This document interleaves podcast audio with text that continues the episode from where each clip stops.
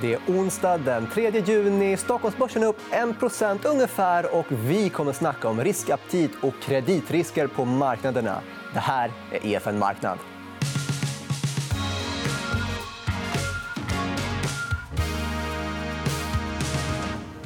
Yes. Senast du var här, Sean George, då var det en extrainsatt EFN Marknad. Det var liksom, börserna föll runt om i världen. Ja. Coronakris.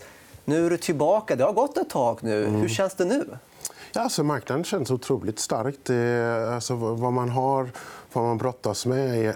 På ena sidan så har man eh, ekonomisk förstörelse som eh, man inte sett sen 30-talet. Det pratas om att eh, runt, vi får eh, initial jobless claims eh, imorgon eh, från USA. Uppemot 40 miljoner amerikaner kommer att vara i alla fall korttidspermitterade. Så vi ser liksom vad den slutliga arbetslösheten blir. Sen är det non-farm payroll eh, som kommer att vara runt 20% på fredag. Eh, men samtidigt så har du centralbanker och stater som pumpar in stimulans stimulanser, eh, kvantitativa eller fiskala eh, som alldeles lika eh, liksom uppemot, i USA uppemot 10 triljoner dollar. Och det där, hantera, att hantera att liksom, titta på hemska siffror jämfört med de pengarna som kommer in i marknaden. Och sen har vi faktiskt sett att PMI börjar bottna lite grann. Så att du börjar se någon form av botten på datan. Det är riktigt dålig botten, men, men, men ändå någonting som, som man kanske kan bygga uppåt ifrån. Och så får man alltid komma ihåg det är mycket snack om liksom börsen jämfört med den reala ekonomin. Men börsen är alltid framåtblickande. Och börsen ser att bortkastat eh, 2020, kanske 2021 blir, blir lite bättre. Eh, får vi se. Liksom. Det är mycket tid till 2021.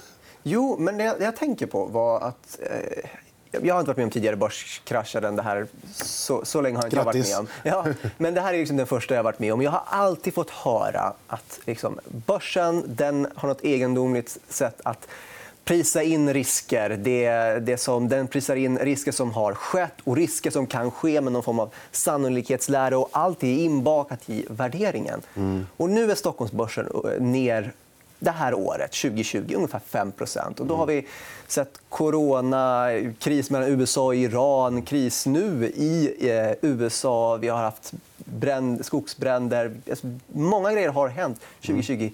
Reflekterar de här 5 procenten riskerna globalt? De reflekterar inte den risken som vi ser nu. Den reflekterar den framtida uppstudsen. Så det är en väldigt stark tro på att det kommer att vara bättre sen. Eh, och sen får ju, siffrorna har ju mycket att leva upp till för att världen är mer än 5% sönder. Jag skulle säga att Sveriges ekonomiska situation är, och bolagens situation i dagsläget är mer än 5% sämre än årsskiftet. Men eh, de åtgärderna som tas, mm, mestadels inte i Sverige men på en Europanivå och i USA och även Kina och alla andra länder jag tror jag har fått 120 räntesänkningar i år eh, globalt och eh, massor med fiskala stimulanser och eh, kvantitativa lättnader. Så att, eh, det är vad börsen tittar på. Men jag tror inte liksom, det är inte all clear än. Eh, så att, eh, vi får se liksom, om det kommer en turbulens runt sommaren eller om det kommer en turbulens till, till, till hösten.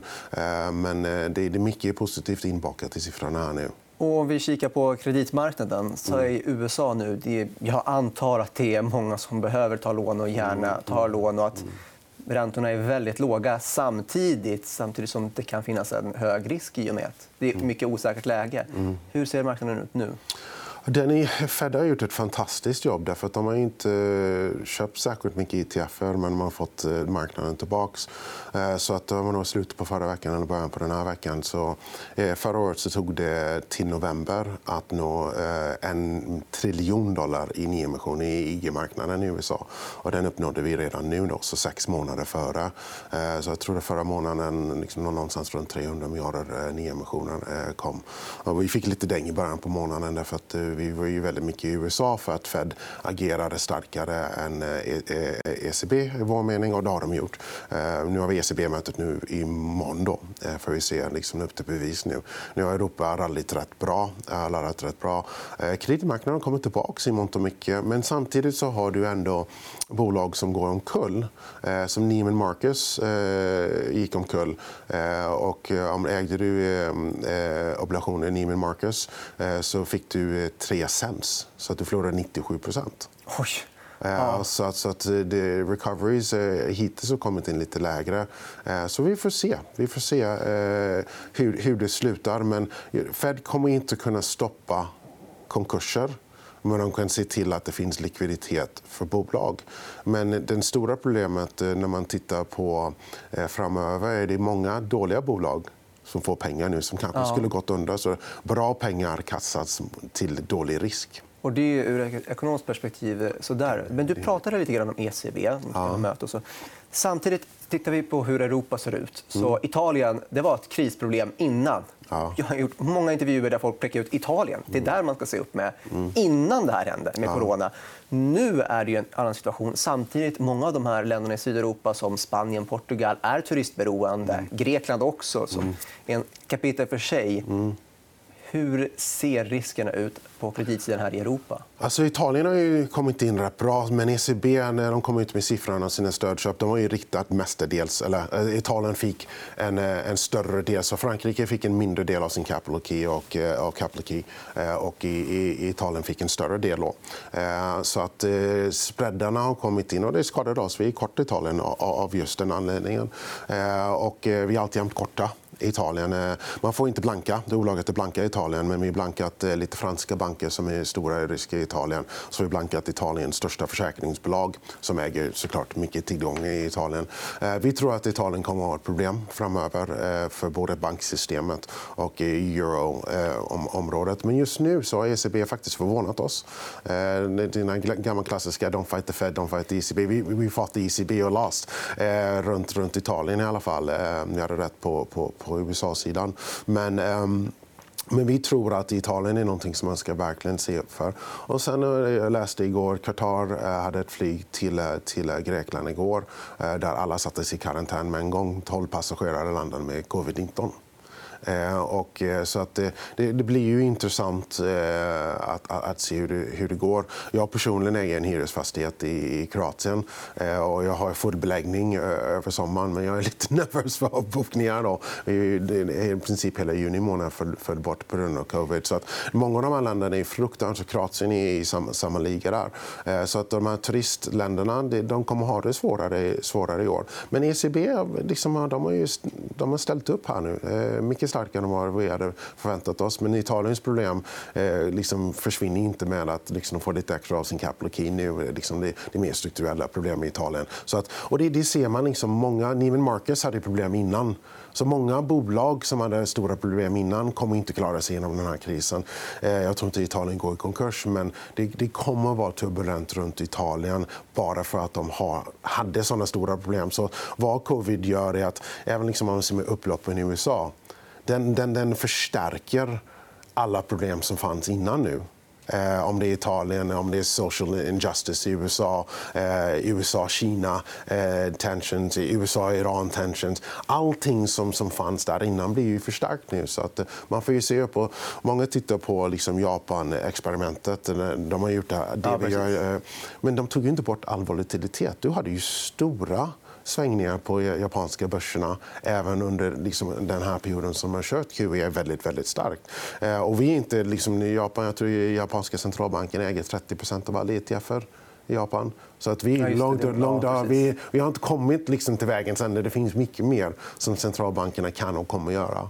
Och det är därför marknaden svarar som den gör. Men det jag också tycker är intressant är att kika på att den här gången är ju det är verkligen en verklig risk med corona. Det pratas om att människor säger att men, vår mortgage, alltså vår avbetalning för hus och för företaget och så mm. vidare de har liksom fått det uppskjutet tre månader, men sen mm. förväntar sig bankerna att den fjärde månaden då mm. ska tre månader plus den månadens eh, betalningar komma in. Det kommer inte ske. Exakt det jag skulle komma till. Vad händer då mm. om man har en förväntning från bankvärlden på hur betalningen ska ske mm. och så har man en verklighet där folk säger när jag öppnar då kommer inte jag få fyra gånger så hög eh, business som jag borde ha haft normalt och kunna mm. betala tillbaka det som är försvunnet. Mm. Hur ser du på den risken? Alltså, Fed, Fed kommer få agera och amerikanska staten kommer att få agera. Det är mest i USA som man, man har de här problemen. Och, Eh, och därför, därför de kliver in. Men vi har ju sett eh, liksom, eh, eh mortgage-backed eh, hedgefonder. De har ju blivit totalt krossade. Eh, det var en stor hedgefond som sålde eh, liksom, grejen ner till minus 80% fortfarande. Så det, det har inte kommit tillbaka den delen av marknaden. Och Fed har fokuserat väldigt mycket. De har köpt väldigt mycket där för att försöka stabilisera marknaden. Men faktum är att det liksom förlusterna är riktiga. Eh, men liksom, eh, jag har tron att Fed kommer... Fed, Fed har varit väldigt, väldigt tydliga. Eh, de kommer göra allt Men om krävs. de gör så i USA, ja. okay, det kanske Fed kan. Men kan ECB göra samma sak för Italien som redan har en hög skuldsättning och för att hjälpa, stoppa in likviditet i marknaden? Det, det är inte ett litet jobb. Nej, alltså det är liksom redan liksom the frugal floor som en, Sverige är en del av liksom har redan sagt ifrån för, för det som, som är på bordet nu. Och det krävs mer för att Italien ska stabilisera sig. Så jag tror att Italien kommer att vara det stora liksom, orosmolnet någon gång under 2020. Här. Eh, och vi har alltid korta eh, tillgångar som speglar det. Så du tror inte att det har pressats in än så länge? Att det finns mer triggers på nedsidan i Italien ja, det tror jag. 2020? Ja avslutningsvis, du har ju som sagt eh, trades på olika ställen. Eh, kan du ta två av dina favorittrades just nu? Eh, ja, det kan jag ta. Så att, eh, vi har varit lång. Eh, Heinz, gör ketchup. Eh, och bästa. Eh, vi hade en tuff månad. Vi var knappt plus förra. Vi var plus, men inte mycket. Vi tappade lite vår ledning gentemot våra konkurrenter. Men vi är en av de få fonder som är faktiskt uppe i år. Eh, efter igår runt 1 eh, Så Heinz var en best performer. Ketchup så tjänade 6% på Heinz-obligationer. Det är väldigt basic, ehm, eh, split-rated mellan high yield och investment grade.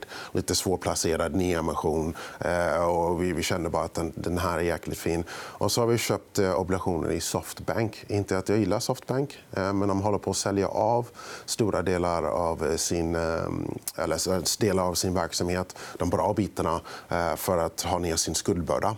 Eh, så vi har köpt eh, fyra eh, små poster i fyra olika obligationer men ändå en 3-5% position i, fonden i väntan på att de ska köpa tillbaka obligationer. Och sist, de gjorde det så gick obligationerna upp ungefär 10 och Under tiden så ligger vi och klipper 5-6% i snitt på de här obligationerna. Så det, det var bästa långs. Och sen är vi kort två franska banker. Sub, ja, precis. För Italien, exponeringen ja, som du ja, nämnde. Precis. Och så är vi kort Generali, Italiens största Eh, försäkringsbolag. Och sen har vi även en trade som skulle betala ut fruktansvärt mycket ifall Italien skulle, vi skulle tjäna 5 miljoner euro ifall Italien skulle lämna EU. Och vilken är det? Alltså att eh, det finns två olika CDS-kontrakt som har olika eh, språk i sin dokumentation. Så vi betalar just nu runt 50 baspunkter per annum, så 50 baspunkter per år eh, för att ha en homerun. Då. Det skulle vara en 10% dagen Vi skulle aldrig hålla den tills Italien gick ur, men bara, vi tror att liksom, Italien kommer att behöva liksom, vapenskramla lite för att få det de behöver från EU. Och det är alltid ett hot som, som fungerar. Och att den, den försäkringen den, ja, att den, isär något fruktansvärt i det läget. Så att, vi har eh, väldigt många olika risker. Och sen har vi en av våra favorittrades är Standard Charter också. Eh, Banken? Ja, precis. 30% av deras låneportfölj är i Hongkong. Oj, ja. ja så, att, eh, så den funkar. Liksom, och sen den är rätt stora i England också. Så, att, eh, så den både Brexit och Hongkong. Då. Sponsrar Liverpool fotbollslaget. Ah, okay. det tränar väl till. Ja, okay, okay. Kanske den slutar sen efter Hongkong. Peggen knäcks. Eh, men du, det var superkul att du eh, var med oss. Det, var, det är allt vad vi hinner idag. Ja, ja. Eh, men vi är tillbaka imorgon. Då blir det diskussioner om passiv versus aktiv förvaltning. Vad ska man tänka på? Vad är bäst? Det får ni inte missa. 11.45 imorgon. På återseende.